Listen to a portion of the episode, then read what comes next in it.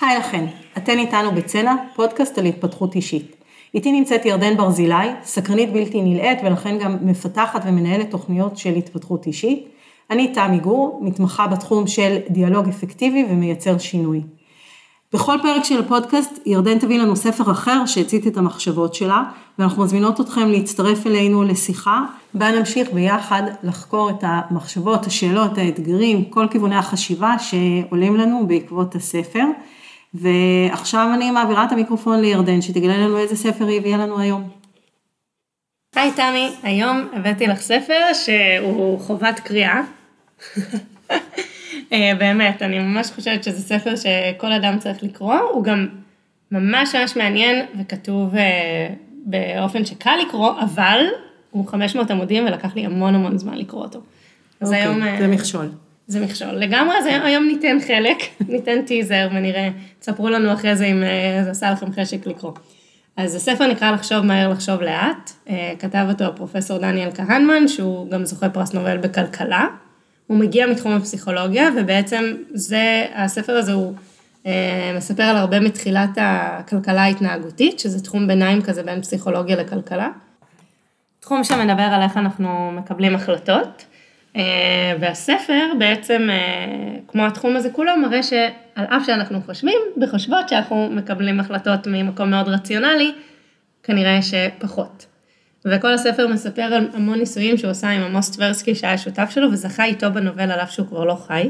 אה, על המון המון המון ניסויים ממש ממש מעניינים שהם עשו, שמראים על איך אנחנו כן חושבים, כל, זה נקרא הטיות, על כל מיני דברים שאנחנו גורמים לנו לחשוב לא רציונלית. האמת שהיה לי קשה לבחור מה תפס אותי בספר, אבל, אבל אה, נתחיל רגע עם, ה, עם הדבר הכללי, שקרה לי איזה שינוי נורא גדול, הוא כותב אה, מאחורה של הספר, כתוב על הספר, שהספר מציע תובנות פרקטיות מאירות עיניים בנוגע לבחירות שלנו, אני טיפה מקצרת, ושהוא ישנה לתמיד את הדרך שבה אנו חושבים על חשיבה.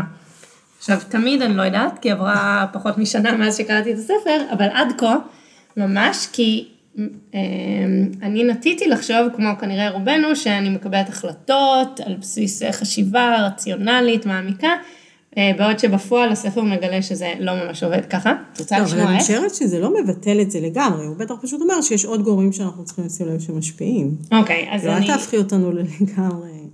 אוקיי, בסדר, תמי, מה שמנחם אותך. אה, אני אסביר רגע מה, על, מה, על מה הספר מדבר, על זה שיש לנו שתי מערכות חשיבה, הם, זאת אומרת, זה לא באמת עובד ככה בחלוקה בראש, אבל זה עוזר להבין. מערכת אחת היא המערכת המהירה, האוטומטית, שמופעלת אצלנו ישר, שאנחנו ישר אה, מנסים להשלים אה, בראש את החלקים החסרים, ליצור איזשהו סיפור קוהרנטי. והיא פועלת אינטואיטיבית, זאת אומרת, זה, זה קורה נורא נורא מהר, ויש את מערכת שתיים. וזה לא אינסטינקטים, זה חשיבה מהירה, זה לא אינסטינקטים. Mm, אינסטינקטים, עולה לי בראש רק הפטיש הזה של הרופא שמקפיץ את הברך, אה. אז... אה, אה, כן, האמת שזה מעניין לבדוק איך בדיוק מוגדר אינסטינקט. צריך, צריך ללמוד את זה, אוקיי. אוקיי. ומערכת שתיים, שהיא המערכת השקולה, האיטית יותר, שאוספת את הנתונים ומקבלת החלטה שקולה יותר, חורצת דין שקול יותר, אה, מנתחת את הסיטואציה, ובעצם ברוב המקרים, בהמון המון מקרים שבהם אין לנו את כל המידע, שזה בינינו הרוב הגדול של המקרים, אנחנו נקבל החלטה על סמך מערכת אחת, שהיא כל כך חכמה, על אף שהיא הרבה יותר פשוטה, בגלל שבעצם... רגע, שנייה, מערכת. אחת זה המערכת המהירה, מערכת שתיים זה המערכת האיטית? בדיוק. Okay. אוקיי. שאנחנו נשלים בראש את המידע שחסר לנו, ואז גם, אנחנו עושים איזושהי פעולה של שכנוע עצמי, כאילו אנחנו לא שמים לב לדברים שחסרים, אני אתן דוגמה, יש את אפקט העילה, יצא לנו לדבר על זה לדעתי, נכון. נגיד, את מאוד אה, חכמה, אז אני מניחה שאת גם אה, יכולה להיות מנהיגה טובה, או שאת אה, מאוד סבלנית או טובה עם אנשים. עכשיו, הרבה פעמים אין קשר, אבל כשאנחנו יודעים משהו טוב על בן אדם, או כמה דברים טובים עליו, אנחנו מניחים שהוא גם טוב בדבר הנוסף. כן, יכול להיות שגם אנחנו באופן טבעי פחות שיפוטיים, או כאילו הוא נהנה מאיזשהו חסד שאנחנו נותנים לו.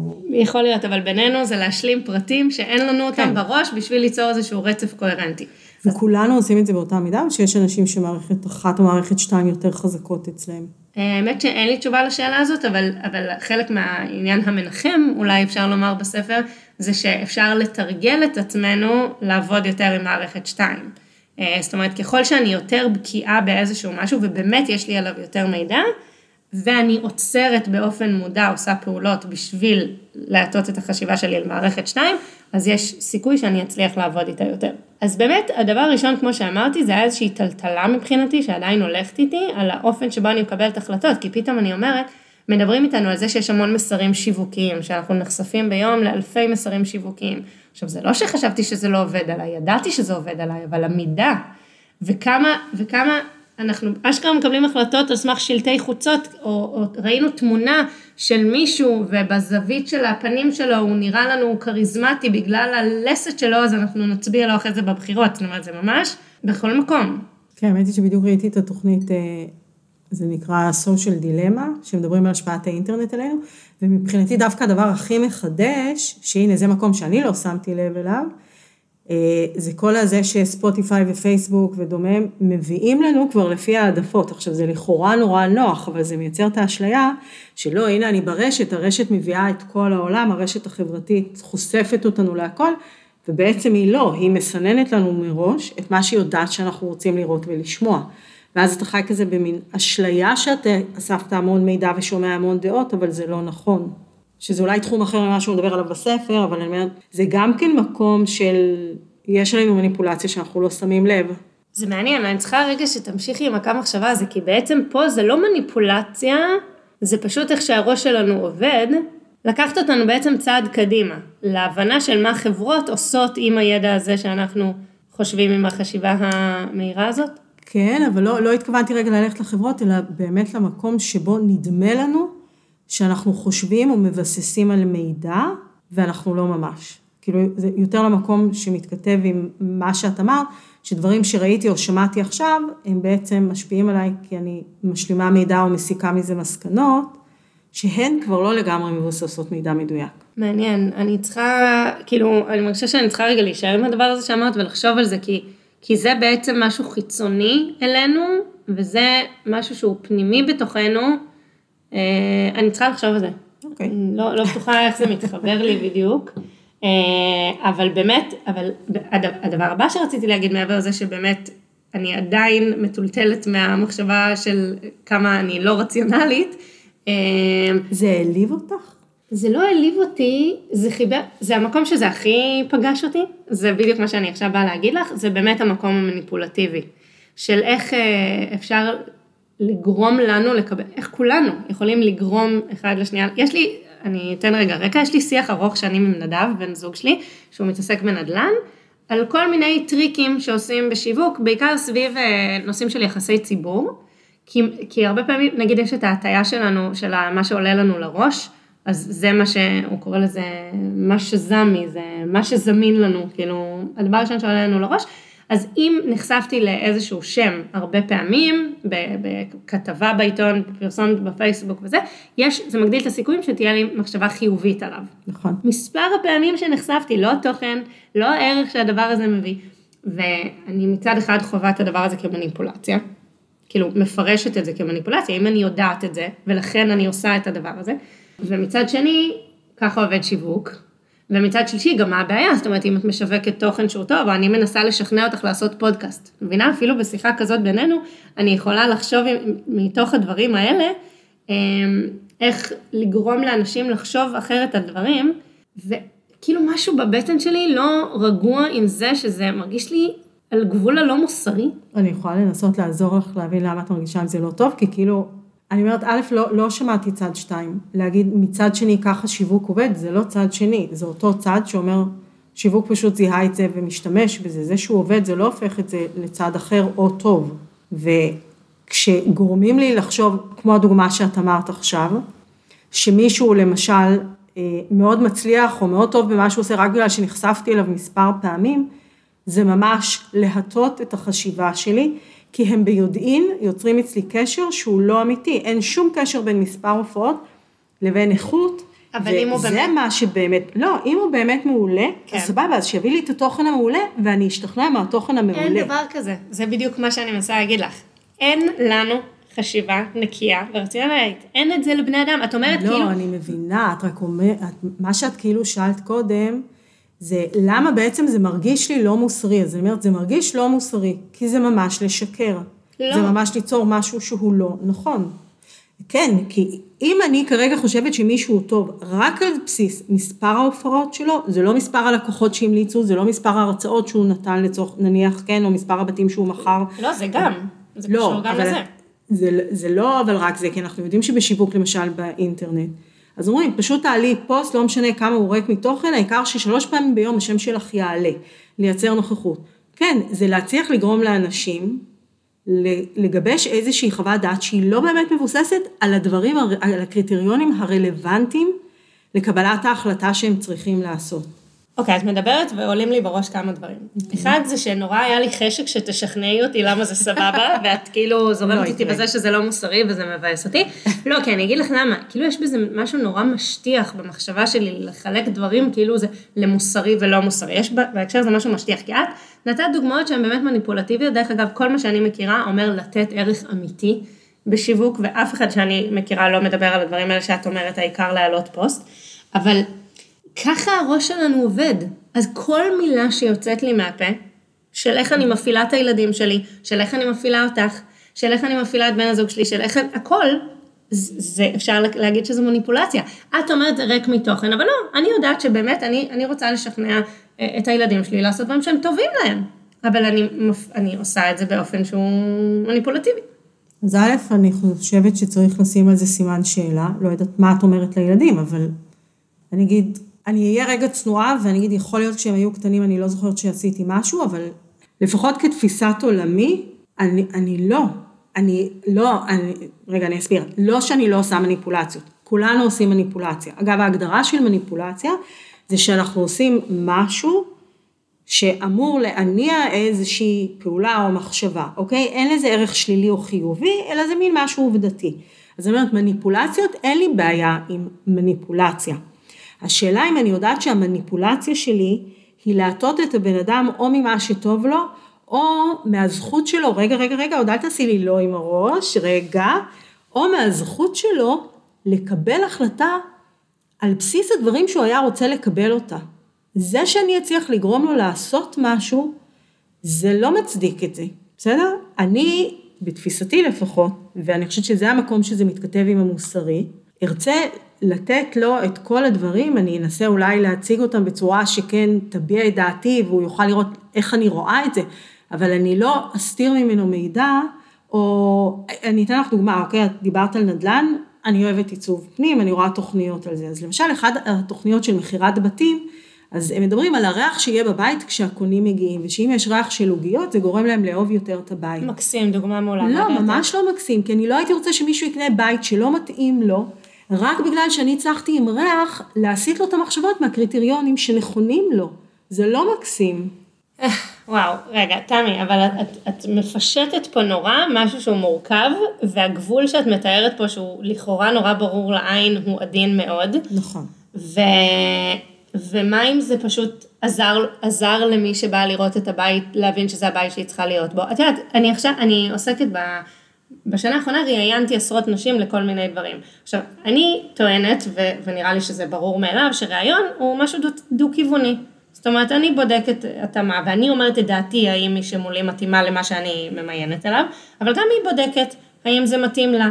נכון? זה, זה דו-כיווני, ולא רק זה, גם אני באחריות שלי, רואה את כלל התמונה. זאת אומרת, יכול להיות שאני מאוד ארצה מישהי, אבל אני מרגישה שזה לא נכון לה להצטרף לדבר הזה וזה לא יהיה לה טוב, אז אני לא רוצה אותה, אוקיי? כן. עכשיו, ב- בתוך שיחה כזאת, כן? שבה אני מצביעה על נקודות שבהן אני חושבת שאולי זה יתאים, או שאני חושבת שאולי זה לא יתאים. איפה עובר הגבול בין אה, שיחה פתוחה אמיתית למניפולציה, למכירה, לשכנוע? איפה, זאת אומרת, נורא קשה אני- להצביע בעיניי. אני, אני לא... אני יודעת מה טוב לה? את, אני לא חושבת שזה תפקידך אבל לבחור עבורה מה טוב. את בשיחה הזאת צריכה לבחור מה לך טוב, להיות כנה עם זה מולה, אוקיי? כולל להגיד לה, תקשיבי, אני חושבת שזה לא יתאים לי או לך, כי, ולהיות פתוחה לשמוע מה היא תענה על זה. ויכול להיות שהיא תגיד לך, וואלה, לא חשבתי על זה ככה, וטוב שאת מעירה לי את הנקודה הזו. ויכול להיות שהיא תגיד לך, אני דווקא חושבת שזה כן מתאים לי, כי עכשיו, בסוף לכל אחת מכם יש את חופש הבחירה ולעשות החלטה מה שהיא רוצה, אני מבינה שהספר טוען שלא לגמרי, בסדר, אבל אני רק אומרת, מבחינתי זה מאוד שונה אם עכשיו, למשל את תגידי, אוקיי, מאחר ואני החלטתי שלא נראה לי, אז כל מה שאני אומרת מעכשיו אמור לכוון אותה להגיע להחלטה שהיא לא רוצה להיות כאן. זה בעיניי, אני לא אוהבת את זה, מה אני אגיד לך? אני זהירה מלהיות שיפוטית ולהגיד זה לא מוסרי, אוקיי? אבל אני לא חושבת שזה נכון, אני חושבת שזה נכון או לשים על השולחן בכנות, מה דעתך, או כן להמשיך לתת את הקריט... אני חושבת שכן תפקידך להמשיך לתת לה את המידע הכי אמין והכי מדויק שאפשר. ואתם שתיכן נשים בוגרות וכל אחד בסוף תחליט מה שהיא תחליט, ומאחר וגם לך יש זכות החלטה, את גם יכולה להגיד בניגוד למה שהיא רוצה בסוף. תקשיבי, אני מבינה שלך זה נראה, לי לא מרגיש נוח. רגע, תמי, סליחה, אבל אנחנו צריכות לשנות עכשיו רגע נושא, בגלל ש... לא, באמת, כי אני מרגישה רגע שנכנסת פה לאיזושהי... בא לי כאילו ש... שתחשבי על זה עוד, כי לא שאני אומרת, יכול להיות שאת תישארי עם אותה דעה, כן? אבל אני מרגישה שיש פה איזשהו פישוט, או לא יודעת, יכולת שלך כנראה בתוך הראש להפריד בצורה נורא ברורה בין דברים, שבעיניי ממש ממש קשה להפריד ביניהם, אני אתן דוגמה קטנה, אבל אני, אני כאילו, ותגיבי אחרי זה אם את רוצה, אבל אני, אני באמת מרגישה צורך שאני אשנה נושא, אני מרגישה גם שהאווירה טעונה. ש... לא, בסדר, אנחנו יודעות לדבר בצורה תרבותית, אבל אה, אנחנו לא, לא מתקדמות קצת, שהרבה פעמים כששואל, כשאני שואלת, אה, אני נגיד אשאל אותך עכשיו ואבקש ממך להגיד, אה, מה, למה לא כדאי שנקליט פודקאסט, נגיד. המון פעמים בתהליך של שאלה כזאת, את תשכנעי את עצמך למה כדאי, ואת תרצי יותר. עכשיו אני כבר יודעת את זה, אני הפסקתי לשאול את זה בראיונות דרך אגב, כי הבנתי שגם כשאני לפעמים רוצה להצביע לנשים על למה זה לא כל כך מקום טוב בשבילם, אבל ככל שאני שואלת את השאלה הזאת בצורה יותר פתוחה, הן משכנעות את עצמם למה הן כן רוצות להיות. אז מה זה? זו, איפה זה נכנס אצלך? זו מניפולציה? זו, אני יודעת מה האפקט של שאלה כזאת. זו מניפולציה או לא? אה, אני לא יודעת אם זה, שוב, זה בהכרח מניפולציה, אני לא יודעת אם זה מניפולציה בעייתית, אני פשוט חושבת שאז זה גם כבר לא משרת אותך, כי את מבינה שאת לא תקבלי את התשובה. אבל אז אני יכולה גם להשיג מזה את ההפך. שהוא? שאם אני רוצה מישהי, ואני רוצה שהיא תשכנע את עצמה, למה אני יכולה לשאול אותה את השאלה הזאת? וזה ישרת אותך לטווח ארוך? בוודאי. אני לא בטוחה, אני לא בטוחה שאם הצלחתי לייצר מניפולציה שהפילה מישהי בפח והיא תעבוד אצלי, למרות שהיא לא באמת רוצה, אני לא בטוחה שלאורך זמן זה ישרת את שתינו. אני חושבת שאת אומרת כאילו יש איזשהו קבלת החלטה נכונה, ידועה, ברורה, ואנחנו שמים עליה איזשהו חול. לא, זה הדברים הם לא, אנחנו לא מדברות פה על דברים שהם שחור לבן, שהם חד משמעיים. יש יתרונות לכאן ולכאן, לא תמיד אפשר לדעת מראש מה תהיה ההחלטה הנכונה. כמעט אף פעם אין לנו איך לדעת מה ההחלטה הנכונה. בואי, נגיד ממש בגלל, אף פעם אין לנו דרך לדעת מראש מה תהיה ההחלטה הנכונה. אבל אה, אז הדברים הם, הם לא כאלה פשוטים כמו שאת מציגה אותם, זאת אומרת, אם מישהי אני חושבת מראש שהיא לא תתאים, אני לא אעשה את הדבר הזה. אבל אם אני רוצה שהיא תהיה ואני חושבת שהיא מתאימה ושהיא תהנה מזה, אז אני יכולה, אני לא עושה את זה דרך אגב, אני לא עושה את זה, אבל אני יכולה להשתמש במניפולציה הזאת. בקיצור, בואי, בואי נמשיך. בסדר, אני משחררת. אוקיי, אנחנו... נסכים שלא להסכים. נסכים שנמשיך את השיחה הזאת. זהו, בדיוק, אנחנו עוד נמשיך אותה. אז uh, עוד דבר שעולה פה בספר uh, שהוא מאוד מעניין, זה הנושא של ביטחון יתר. בכלל יש פה הרבה שיח על מומחים, על מה זה הדבר הזה, מה בכלל הסטטיסטיקה אומרת על הצלחה של מומחים בניבוי, רמז סוגריים נמוכה, uh, בפוליטיקה, על זה שאנחנו מצד, יש פה כאילו איזושהי תמונה מעניינת, שמצד אחד אנחנו כצרכנים של מומחיות, רוצים מאוד ביטחון גבוה מאוד בקרב המומחים שאנחנו נושאים אליהם עיניים, אה, או מומחיות כמובן, פוליטיקאיות, אנחנו רוצות הנהגה שאומרת ככה צריך לעשות, נקודה. אבל הסטטיסטיקה של מומחים בהצלחה בניבוי היא מאוד נמוכה. אה, כשדיברנו על זה פעם, אז העלית את סוגיית המגדר, אני, אין לי תשובות לזה, אני לא יודעת האם גברים מדברים יותר בביטחון מנשים. גם סוגיית המגדר וגם מעניין אותי עם אה, מתי הספר, מתי המחקרים כאילו נעשו? את יודעת בערך? מחקרים על פני כבר לדעתי כמה עשרות שנים. כי זה פשוט מעניין אותי אם יעשו היום מחקרים, אני בטוחה שאצל הרבה מהאוכלוסייה כן, אני חושבת שאצל חלק לא. מה? אני חושבת שהיום יותר ויותר אנשים דווקא מעריכים אמירות שכן מסוגלות להכיל בתוכם גם את מה אני לא יודע להגיד לכם, ואת מה אנחנו עוד נצטרך לבדוק. אני חושבת שלמשל הקורונה מאוד משקפת את זה. מנהיגים שאומרים יש לנו תוכנית וזה אבל נצטרך לעקוב ויש הרבה ידיעה ויהיה קשה בדרך לעומת מנהיגים שמדברים ב אנחנו ננצח את זה אנחנו נמגר את זה. אוקיי, אהבתי את האופטימיות, אולי. הלוואי. נשים מנהיגות, כן. אז אוקיי, אז ביטחון יתר יש לו כמה היבטים. יש את זה באמת את, שלנו כצרכנים, שאנחנו נוטים לרצות את הדבר הזה, אבל יש גם את ה... בואי נדבר רגע גם על המומחים. כאילו למה? מה, מה הקטע הזה? האם זה באמת בשביל למכור ולשווק, או שבאמת אנשים נוטים לאופטימיות יתר בהערכות שלהם, לגבי הנכונות של ההערכות שלהם? לא, לא לגמרי הבנתי. אוקיי. מה זאת אומרת? אוקיי, אני אתן מחקר, נבין ממנו. עשו, בדקו עם 11,600 מנהלי כספים על התחזיות שלהם, בדקו מה היו התחזיות שלהם וביקשו מהם לנבא. המתאם בין האומדנים שלהם לבין מה שהיה בפועל בשוק היה פחות מאפס, שזה במילים לא סטטיסטיות אומר שהם ממש לא הצליחו לנבא טוב, אה, אבל לעומת זאת הם בבדיקות של הביטחון שלהם, הם היו בביטחון מאוד גבוה שהתחזיות שלהם יהיו נכונות. אז הוא אומר פה, היה יותר נכון שהם יגידו אה, המדדים יהיו איפשהו בין מינוס 10 לפלוס 30. אבל אומר, הם לא יכולים להגיד תחזית כזאת, נכון? יצחקו להם בפנים ויגידו להם, אתם לא מבינים כלום. גם זה לא תחזית אופטימית, אבל גם... זה טווח לא... זה טווח מאוד גדול, כן. זה יכול להיות או שלילי או חיובי או עלייה או ירידה, תהיו בטוחים במה שאתם אומרים. זה דוגמה אחת לזה שיש נטייה לביטחון יתר. לתת אחוזים גבוהים מאוד שסיכוי ההצלחה, אגב, יש פה, הוא מדבר על, על אופטימיים, על אנשים אופטימיים, אז יכולתי להתחבר לזה, אז הוא אומר על סיכויי הצלחה ביזמות, כמה הם נמוכים, וכמה, ו, וכמה היזמיות, יזמים עיוורים לסיכויי ההצלחה שלהם. בסך הכל אם את מודדת, הם, יש כאילו מאות אחוזי הצלחה לפי כמה שאת יודעת, בודקים עם כל אה, יזמת, אה, יזם כמה הם אה, חושבים שהם יצליחו, אז זה לא תואם את המציאות, זה גורם גם לכל מיני דברים, יש משהו שהוא מדבר עליו שנקרא כשל התכנון, שאנחנו נוטים לא לשים לב לנקודות עיוורון בגלל האופטימיות יתר. זאת אומרת, מצד אחד אפשר להגיד שזה אה, מאוד בעייתי ולא נכון מתמטית וכן הלאה, מצד שני זה גם מה שמקדם אותנו בעולם, כי אני לא הייתי עושה שום דבר אם הייתי רק חושבת כל הזמן זה שיש שני אחוזי הצלחה שהדבר הזה יצליח. נכון. לא, אין ספק שיזמים ואנשים שעושים פרויקטים גדולים, הם במידה מסוימת עושים את זה כאילו כנגד כל הסיכויים. כן, ולא רק זה, הוא גם, יש, אני אביא לך ציטוט, האם אפשר להתגבר על אופטימיות מופרזת באמצעות הכשרה? אינני אופטימי. ניסו ממש, עשו כל מיני מחקרים וניסויים וגם, זאת אומרת, לפקוח לאנשים את העיניים לאחוזי ההצלחה הנמוכים, ו, וזה לא ממש עבד.